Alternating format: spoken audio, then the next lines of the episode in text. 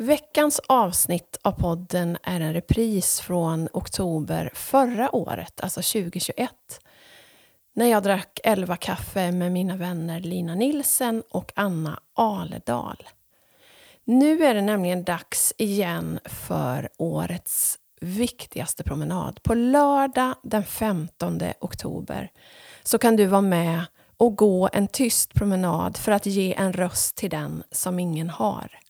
Vi går för att pålysa varje människas rätt till frihet.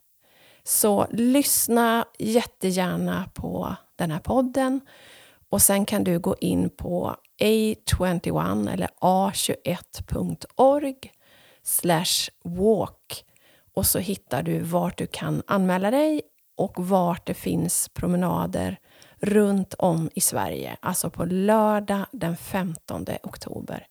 Tack för att du lyssnar. Och då vill jag hälsa alla lyssnare välkomna till ett nytt avsnitt av 11 kaffe med Fru Vintage.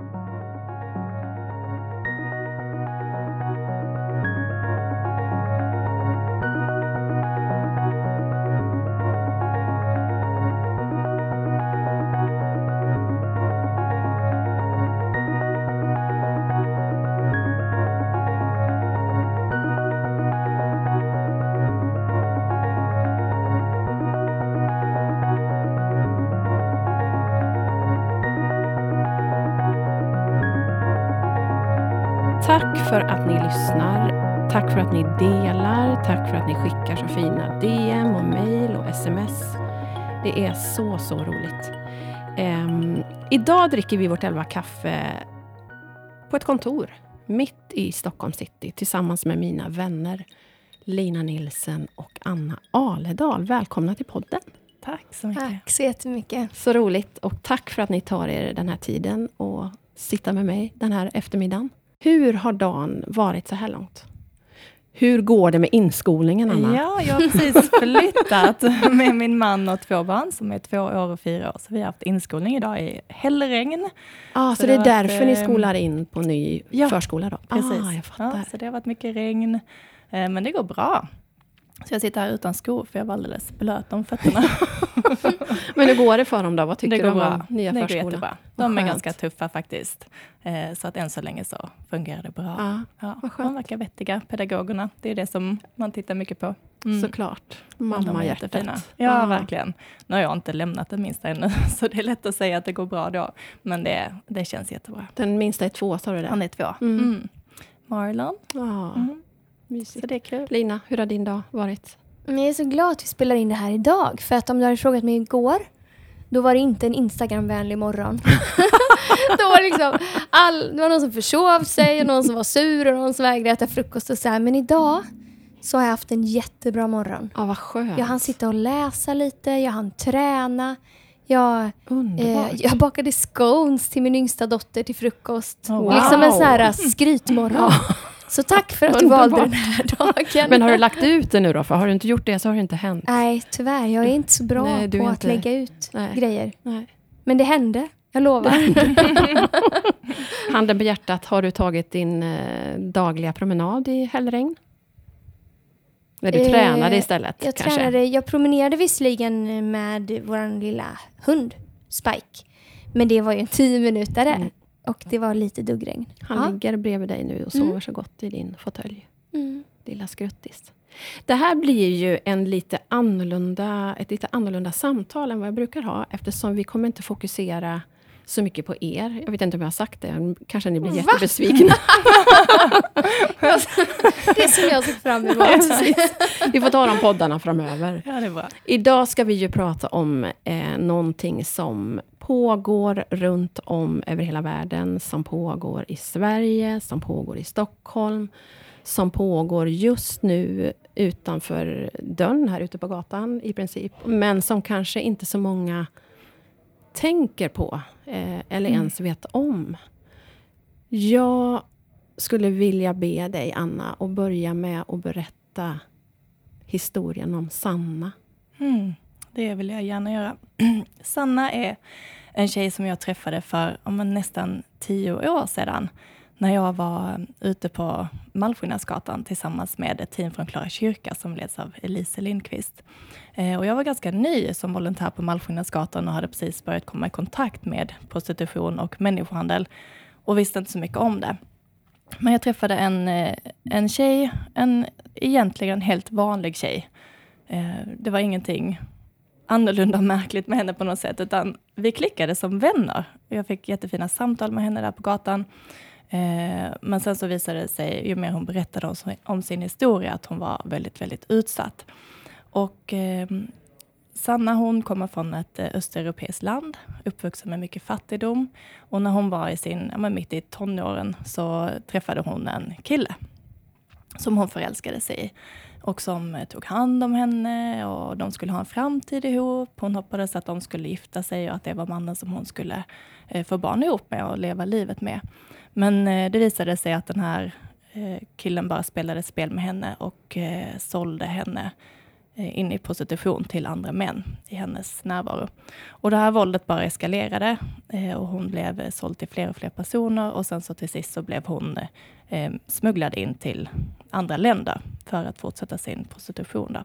Så hon kom till Spanien och Italien och flera andra länder i södra Europa tills hon till sist hamnade i Stockholm. Då. Då var hon inte längre tillsammans med den här killen, eh, men hon eh, var fortsatt utsatt för prostitution. Mm.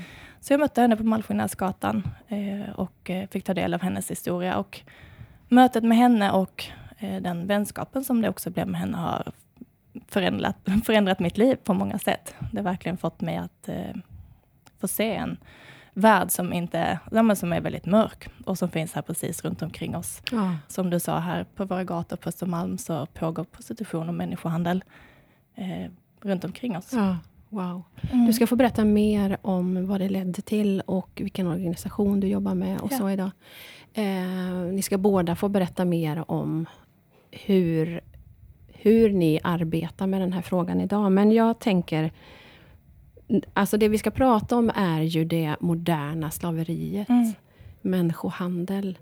Och jag tänker att många säkert förknippar ordet slaveri med svarta i USA för mm. massor av år sedan. Men så läste jag på hemsidan på den organisation som du jobbar för, Anna, att 33 000 skandinaver just nu är offer för människohandel. Det är ju helt, mm. det är ju helt ofattbart och helt bisarrt. Mm. Skulle du vilja berätta lite, Lina, hur det slaveriet kan se ut idag, för den som inte har en aning om vad som pågår? Ja, men alltså det, för mig var det här, jag vet inte om det kanske var ungefär tio år sedan också, hade jag inte en aning om det här. Och absolut inte att det fanns i Sverige. Då mm. trodde jag att slaveri var någonting som fanns på andra platser i världen. Um, nej men här i, uh, i Stockholm till exempel, kanske inte så långt från där vi sitter just nu så kan det finnas, det är många som eh, utsätts för, eh, ja, de behöver sälja sex som, som Anna eh, eh, pratade om. Och det, det jag har förstått är ju det här att det finns ju inte en människa som mår bra som tycker att åh vad kul, Nej. nu ska jag satsa på att sälja sex här. Eller nu ska jag, åh nu vad kul, ska jag få spela in en porrfilm här. Utan det är ju eh, ofta tjejer Eh, men det finns även, eh, även, eh, även män som blir utsatta för det, men som av olika anledningar eh, blir tvingade att sälja sex. Det kan vara att man har blivit, eh, att man har eh, eh blivit utsatt för sexuella övergrepp och på det sättet så liksom leds man in i det. Det kan vara att att man har någon man eller pojkvän som, liksom, som bryter ner en så, så att man tvingas att sälja sig. Eller så är det, kan det vara eh, om man kommer från andra länder, som du gav exempel på Anna. Eh, att, man, eh, att man säljer sex helt enkelt. Eller spelar in porrfilm. Eh, um, det är väl det vanligaste mm. i Sverige, de som, de som är skandinaver. Sen så finns det ju då att man tvingas vara slav och utföra ett arbete. Eh, och då, ibland kan ju tiggeri vara en mm. del av det, mm. men inte alltid. Nej. Har du något att tillägga, Anna? Ja, men eh, jag tänker på flera som kommer till Sverige och tror att, för falska jobberbjudanden, tror ja, att de ska jobba som mm. nanny till exempel, eller på en massagesalong, eller inom restaurangbranschen och någonting annat. Kanske kommer hit och tror att man ska få jobb som frisör, mm. fläta hår. Men sen så visar det sig att när man kommer hit så blir man utsatt för någonting helt annat. Så ja, Hur rek rekryteras de, som vi sa, oftast tjejerna? Alltså hur, går, hur kan det gå till? Mm.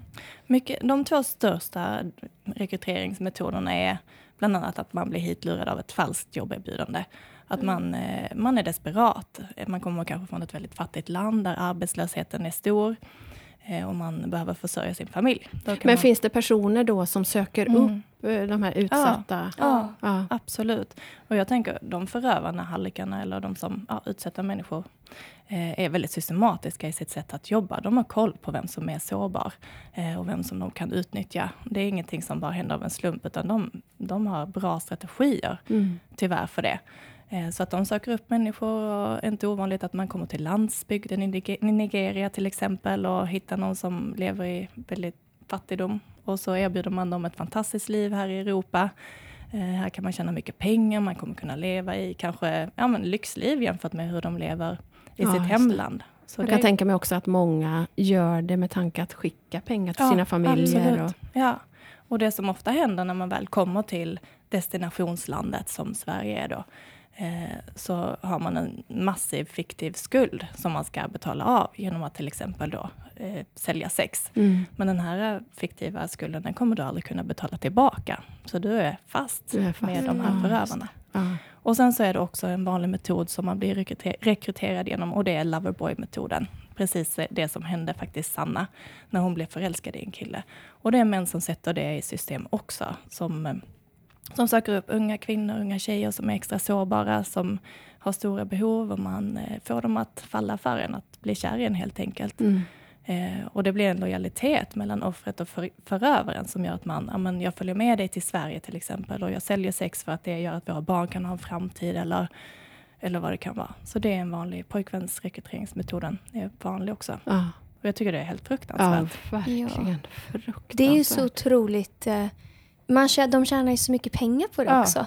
Det omsätter ju, människohandel omsätter ju mer än vapenhandeln till exempel. Ja. Och det som är med en människa, att en människa kan man sälja flera gånger.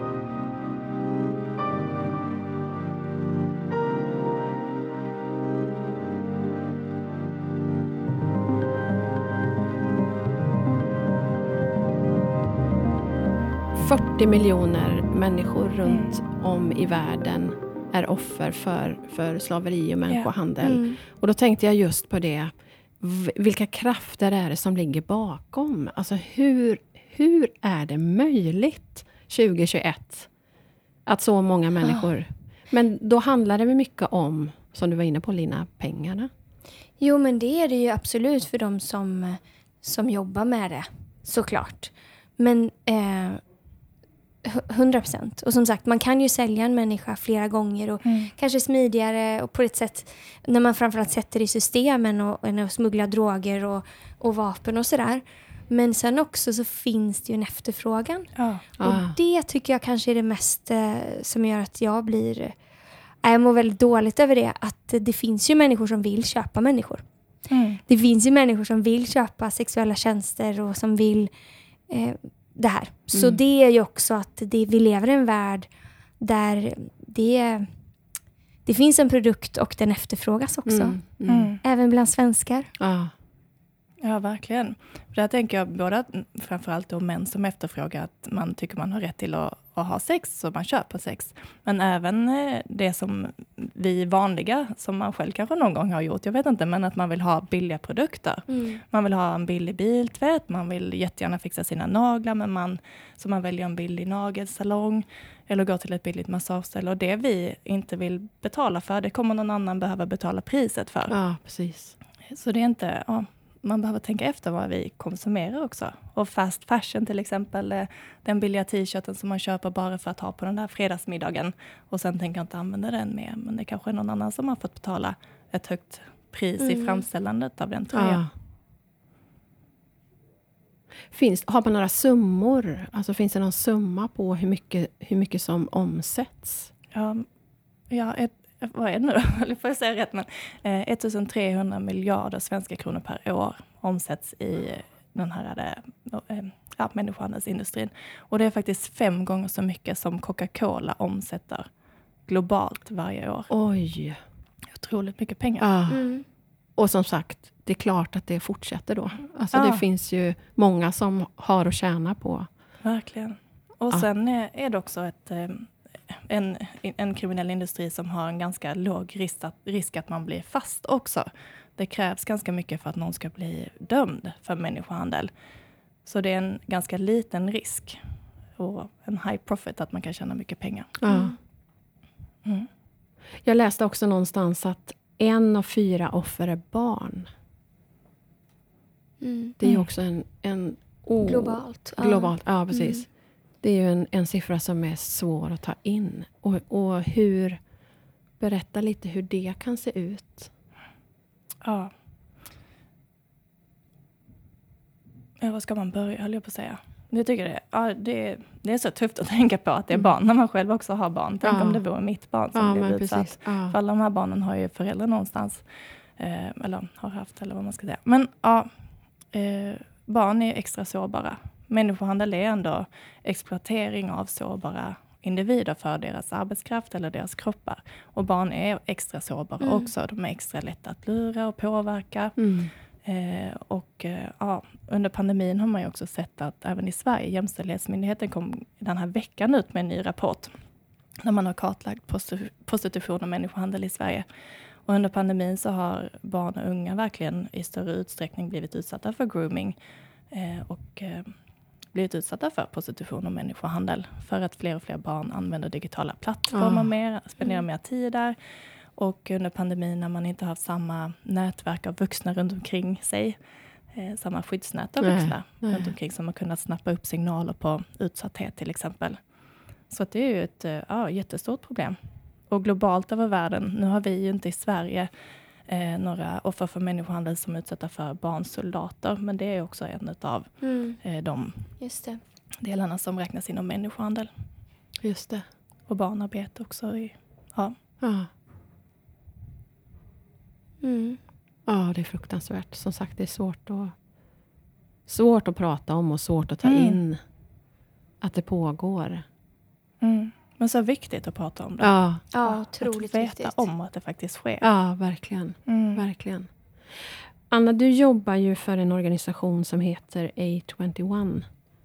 Ja. Berätta, vad, vad är det? Men A21 är en eh, global ideell organisation som jobbar mot människohandel. Eh, som eh, namnet är A21 A21 och det står för att avskaffa slaveri under det 21 århundradet. Så det är det som är visionen av den här organisationen. Och eh, A21 startade i Grekland 2008 eh, och har sedan växt runt om i världen. Och eh, sedan mars månad i pandemin för ett och ett halvt år sedan så har vi haft kontor här i Sverige. Vilket är jättekul. Det har varit efterlängtat, eller hur Mm. Lina? Ja, verkligen. ja, men vi har varit med på resan sedan det startade. Eh, Och hur startade det? Vem startade och liksom, hur, hur såg det ut? Ja, men det var ju då det- startades av en kvinna som heter Christine Kane och hennes man Nick Kane. Och Christine hon reser i sitt jobb, så hon var eh, i Thessaloniki i Grekland i sitt jobb eh, och så var på flygplatsen där. Eh, och på den tiden som sagt så var man inte så mycket, fanns inte så mycket kunskap om människohandel. Men det hon såg var eh, massa bilder på tjejer på en vägg. Mest tjejer med människor och så stod det missing, missing. Och så började hon fråga kring det här, vad är det här för personer? För det var ju bland annat tjejer, hon såg någon som hade samma namn som hennes egen dotter och, och sådär. Och då fick hon, när hon ställde frågor, höra talas om att det var massa tjejer som var saknade. Som hade försvunnit på olika sätt, de hade liksom tappat kontakten med sina, sin familj och så. Så fick hon höra om att det fanns någonting eh, som hette människohandel då. Och att de här tjejerna hade blivit lurade, blivit, ja, på alla och de olika sätten som Anna har beskrivit. Så då var det var ingenting som Kristin jobbade med alls. Eh, men hon kände väl, hon åkte hem och började studera på det här och liksom se om det var möjligt eh, att göra någonting åt det. Och alla personerna hon pratade med, experterna, sa att det finns inget man kan göra. Det är omöjligt och alla Mm. rapporter visade att det här är liksom jättesvårt att göra någonting åt det. Och det var i stort sett nästan ingen eh, förövare liksom som, som håller på med human trafficking som hade blivit åtalad och så vidare. Men hon är en sån person som eh, snarare ser det som en utmaning och vill göra så. Där, där startade de, eh, 821. Eh, och Thessaloniki var första platsen för att Thessaloniki har, eh, det har liksom varit som en, eh, som en hubb eller som ett center för human trafficking där Mm. tjejer och, eller personer transporteras till och från och det finns mycket bordeller och sådär. Eller har funnits i alla fall. Mm. Så då startade det där och sen har det lagts till kontor över hela, eh, över hela världen. Tio, Ja. Hur många finns det nu, Anna? 14 länder, Ja. 19 platser. Mm. Wow. Fantastiskt. Ja, det är Ja, fantastiskt. Mm. Inte minst vad en människa kan åstadkomma. Mm. Alltså vi- vilken, vilken effekt. Ja. Mm. När man bestämmer sig för att inte bara se utan faktiskt göra någonting också. Verkligen.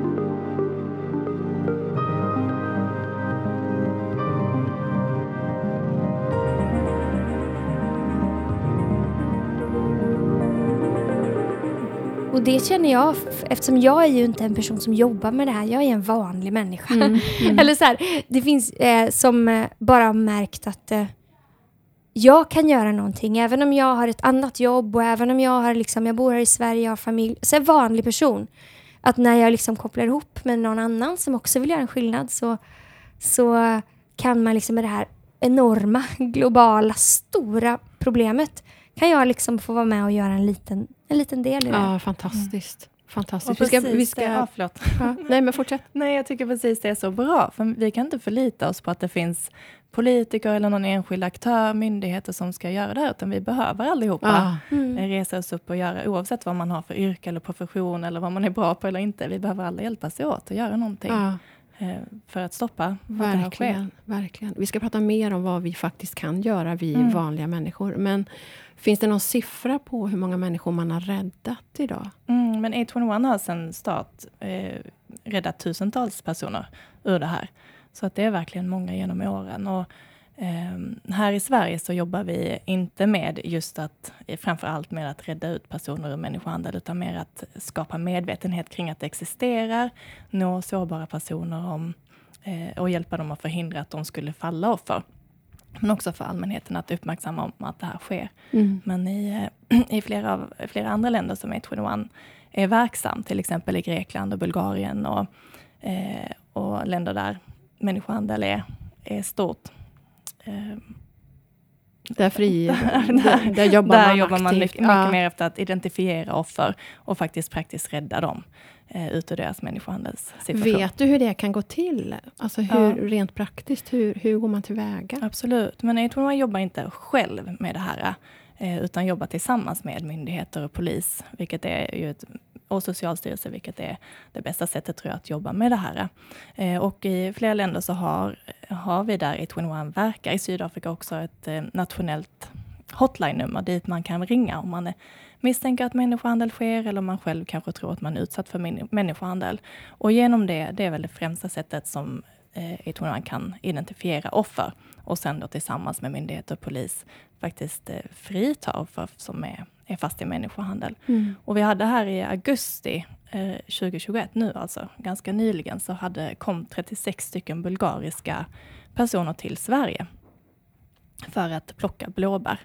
Och när de anlände, de var desperata efter jobb för att kunna försörja sin familj. Och när de anlände här i Sverige så visade det sig att det var fruktansvärda omständigheter. De blev både slagna och fick ingen mat och fick jobba jättelånga dagar. Och ja, men verkligen, det var under all kritik. Och någon tipsade om detta då. Någon fick höra om hur de hade det här i Sverige och sen så fick, eh, tipsade någon den bulgariska 821 hotlinjen Ah. om det här. Så att då kunde 821 i samarbete med bulgariska myndigheter och den svenska socialtjänsten här kunde jobba med att eh, rädda de här personerna. Wow. Så det är ett fantastiskt sätt på hur det kan fungera Ja, när vi verkligen. samverkar. Ja, fantastiskt. Mm. Vad kan man som vanlig människa göra om man misstänker någonting, att någonting pågår? Ja, ringa polisen framförallt. Eh, skulle jag säga att, att göra en anmälan. Och det kan vara till exempel om man har spring i sin trappuppgång.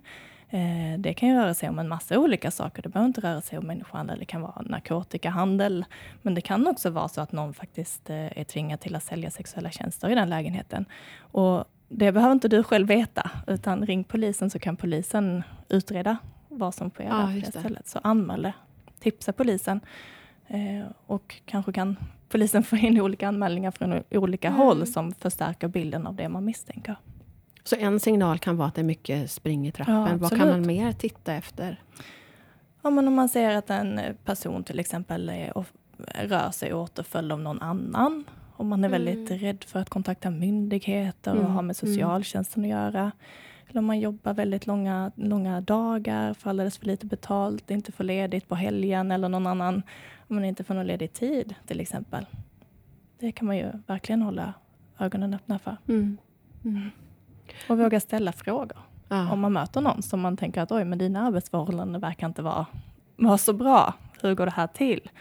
Eh, För många av dem som är utsatta för människohandel, de kanske inte ens själva vet att de är det. För de har inte koll på sina rättigheter. De vet inte vad de här i Sverige har rätt till. Och de vet inte att man kan lita på myndigheter, för det kanske man inte kan i deras hemland till Nej. exempel, och polis och sådär. Så hjälpa dem med det, ställa raka frågor, våga, våga göra det. Jättebra. En av de eh, saker som man kan göra är ju att ta årets viktigaste promenad Mm. som går av stapeln här den 16 oktober, på lördag. Ja, precis. När det här sänds, är det på Ja. lördag? precis. Berätta Lina, Walk for Freedom. Ja, men Walk for Freedom är ett tillfälle återigen för den enskilda människan att få vara en del av något större och göra någonting åt det här med människohandel. Så det är ett tillfälle där vi, för jag kommer vara med, jag är med här i Stockholm, men på hundratals platser i, Sver- i världen. Liksom man, man går en promenad på ett långt, ett långt led i tystnad, som en tyst demonstration kan man säga, eh, för att skapa medvetande kring det här med människohandel. För som sagt, det största problemet är väl kanske att man inte vet vad man ska titta efter eller att Ja, man inte känner till. Nej. Så, så, då, så då helt enkelt, vi går på en, en, en, en lång linje runt ett, ett, runt, runt ett varv runt stan på de olika platserna i Sverige. Jag tror att det är tio platser i, Ja. i Sverige. Stämmer. Mm. Ehm, och blir fler för varje år, vilket är jättekul. Ja, fantastiskt. Och samtidigt så finns det några som, som delar ut såna flyers och berättar om vad det handlar om och sådär. Och det, det är några olika saker. Dels så, så eh, skapar det medvetenhet för de som ser. Alltså, ja, att man vet att man får höra talas om att det finns. Och det gör ju också att man blir medveten om vad man ska titta efter, som Anna beskrev. Men sen finns det också de som är fast i människohandel som ser oss när Ja. vi går på deras gator.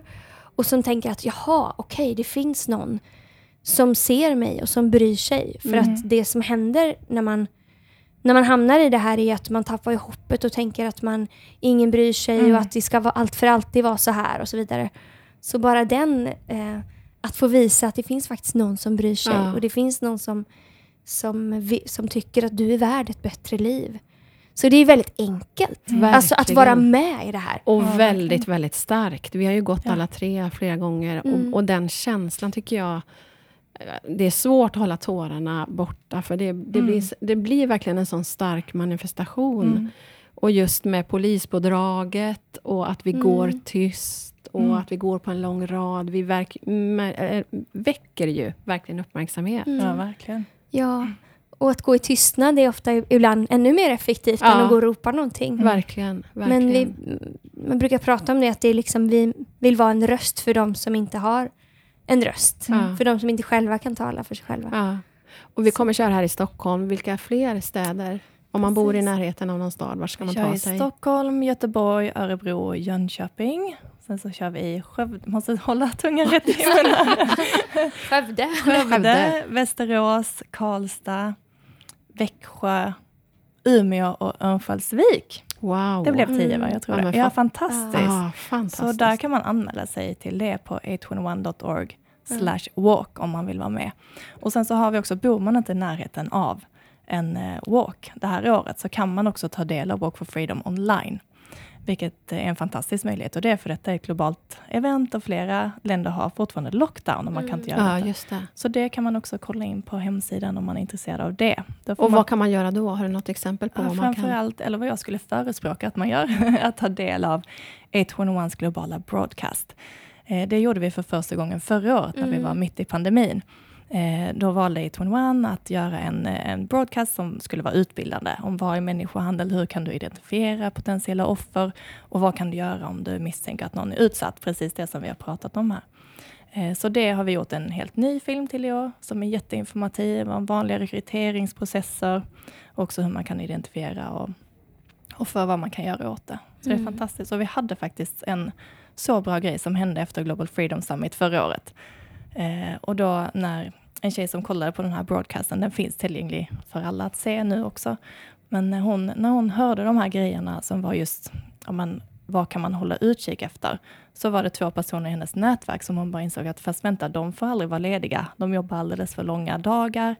Eh, och hur är egentligen deras eh, ja, men, arbets... eh, Mm. Liksom, hur arbetar de?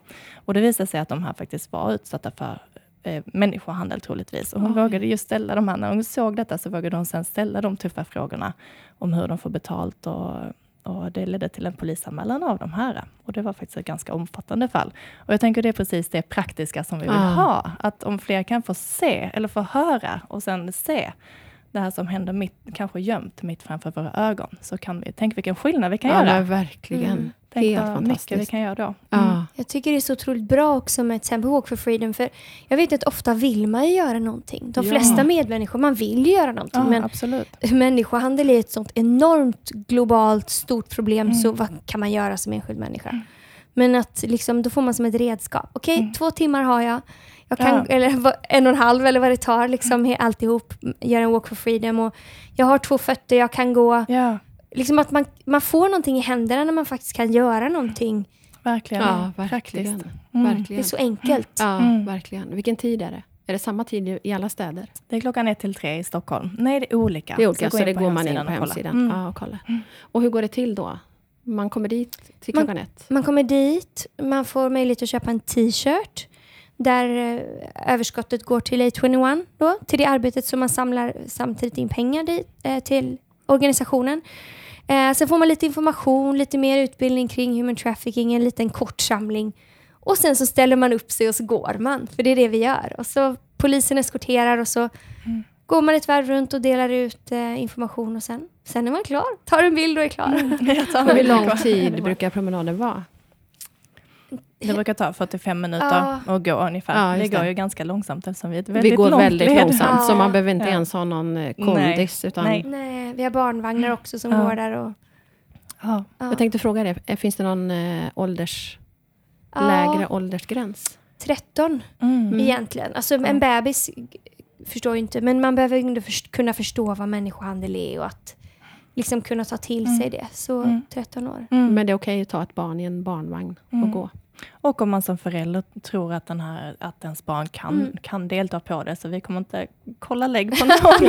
Man har inte men, lägg. nej, det har man inte ens kanske. Oj, oj, oj. Nej, men, men rekommenderad ålder 13. Ja. Ja. Ungefär. Mm. Just det. Jag Hund. läste på Hund hemsidan... Eh, Vad sa du? Hundar? Hund går också bra. Får man ha med hundar? Ja, det. Finns det speciella hund-t-shirts? Jag tänkte Nej. säga det. Nu får Spike köpa sig en liten tisha här och, och Vi ge sig får ut. ta det till nästa år. Ja. Absolut. Jag läste tre ledord på hemsidan. Reach, Rescue, Restore. Mm. Det är den modellen som H1 jobbar efter. Där REACH är att nå sårbara med information och kunskap för att förebygga eh, att man faller offer för människohandel. Och det har vi till exempel genom olika utbildningsmaterial som är Safety online, både för barn och föräldrar, och Safe Employment, hur man kan hitta, ja men se röda flaggor som kanske inte verkar vara så bra när man söker jobb utomlands till exempel. Eh, men även att nå allmänheten med information om detta. Och sen så är det Rescue som är själva delen då vi faktiskt ja, men, räddar människor ut rent praktiskt på plats ur människohandelssituationer. Och sen Restore är att eh, rehabilitera offren för människohandel så att de kan få leva ett liv fullt ut i frihet. Ja, för det, det tänkte jag Mm. fråga. Vad, vad händer sen Ja. då? När, när man har När man tagit någon från Mm. gatan eller hjälpt Mm. någon? Mm. Om man på, eh, utifrån hur A21 jobbar med rehabiliteringsfasen så är det ju verkligen, eh, ja, men vi kallar det för Freedom Center och där får man hjälp med eh, traumaterapi till exempel. Man får vård och man får hjälp med utbildning och ja, men allt som man behöver individanpassat för varje enskild individ för att kunna ja, men bli så självständig som möjligt. För att det är tyvärr en väldigt stor risk att man faller offer på nytt Ja. om man väl har varit utsatt för människohandel en gång. För ja, sårbarheten ökar på ett sätt i det också. Mm. Så att verkligen A21 vill följa offren tills de blir helt fria och självständiga. Fantastiskt. Mm. Ja, det är verkligen så bra. Mm. Mm, och så viktigt. Får man något bidrag som organisation eller hur, hur finansieras verksamheten? Mm. A21 här i Sverige finansieras helt och hållet på gåvor från, från vanliga personer runt om i vårt samhälle. Eh, och eh, här i Sverige är också ett land och många har ganska mycket pengar om man jämför med eh, andra östeuropeiska länder och sydeuropeiska länder. Så att eh, A21 här, när vi fundraisar, så stöttar vi även Freedom Centers i till exempel Bulgarien och Grekland, eh, där pengarna som vi samlar in här också går till, till de rehabiliteringscenterna. Just det. Mm. Så om det skulle vara så nu, om det mot förmodan skulle vara någon som lyssnar som inte kan gå på promenaden Ja. den 16 oktober. Då kan man bli månadsgivare eller ge en gång om man vill det. Det. Absolut, det gör så stor skillnad. Det är också där, man behöver inte ge, ge stora summor, utan tänk om många kan vara med och ge lite. Det gör så stor skillnad Mm. för arbetet, eh, arbetet framåt. Ja, Verkligen. det. Mm. Och just det här med att bli månadsgivare istället. Det är ju bra med engångssummor såklart. Ja, men just absolut. månadsgivare, då vet man ju Mm. att pengarna Absolut. kommer in. Mm. Absolut. Och om man eh, vill göra en, eh, vi har ju en del som gör fundraising-kampanjer till exempel, där man springer maraton eller vad det kan vara för att samla in pengar till A21. Då kan man också välja vad man vill att pengarna faktiskt specifikt ska gå till. Som till exempel ett Freedom Center i Bulgarien eller eh, om man vill att det ska gå just till utveckling av utbildningsmaterial i Sverige. Så det kan man faktiskt också eh, välja. Just det. Fantastiskt. Ja. Eh, jag tänker att vi ska börja knyta ihop håsen. Är det någonting som ni skulle vilja tillägga eller något som vi har missat att prata om som är viktigt? Nej, alltså, min reflektion bara när jag, när jag tänker på människohandel och så här är det att det hade ju kunnat vara jag. Mm. Nu Eller dina döttrar. Inte, eller mina döttrar. Nu Ja. är det inte det för att vi är inte så utsatta. Men det är ju bara så att de här personerna har råkat födas på fel ställe eller hamna i Mm. så, liksom, situationstecken fel ställe. Eller Mm. i liksom, en situation där de är utsatta på grund av att de inte har eh, att de lider av fattigdom eller vad det nu än är. Men det är ju, alltså de är precis som, Ja. precis som vi. Ja. Verkligen. Och det är och människor som verkligen utnyttjas i, där sårbarheten utnyttjas. Mm. Ehm, så för min del så känner jag att när jag väl får veta det här, eller när jag väl förstod att det var liksom tjejer i mina döttrars ålder eller tjejer och killar i min egen ålder. ehm, då känner jag att då vill jag göra någonting åt det och det är svårt. Ja, då känner jag mig maktlös direkt. Men sen just det här att det lilla jag kan göra. Mm. Eh, Mm. När jag insåg att det faktiskt spelade roll och att Mm. det gjorde någon skillnad. ehm, då var jag väldigt tacksam att jag faktiskt kan göra någonting. Mm. Eh, så jag är väldigt tacksam för att få vara en... Eh, jag jobbar inte för A21 men liksom att få vara med och stötta det arbetet och, Mm. och gå årets viktigaste promenad och Ja. eh, liksom hålla ögonen öppna och ehm, att det går. Tillsammans Mm. kan man göra så mycket. Mm. Mm. Verkligen. Verkligen. Så vårt, eh, vår conclusion här nu är, är att vi, vi tre kommer alla gå promenaden. Ja. Mm. Så hoppas att vi ses i Stockholm Mm. eller på någon annan plats i Sverige Just det. Och står upp för människor som in, Frihet. Ja, för Mm. frihet och Mm. människor som inte har en egen röst. Ja. Att få vara någons röst är ju fantastiskt. Ja, verkligen. Vilken möjlighet. ja, Tänk det. ja Mm. verkligen. Ja. Tusen, tusen tack för att ni tog er den här tiden. Jätteglad för det. Mm. Och jag skulle vilja, innan vi säger hej då, så skulle jag vilja avsluta med och skicka med till oss och till dig som lyssnar. Frihet är en mänsklig rättighet. Hur använder du din? Tack så jättemycket. Tack. Tack Hej då. Tack så mycket. Tack. Hej då. Hej. Hej då.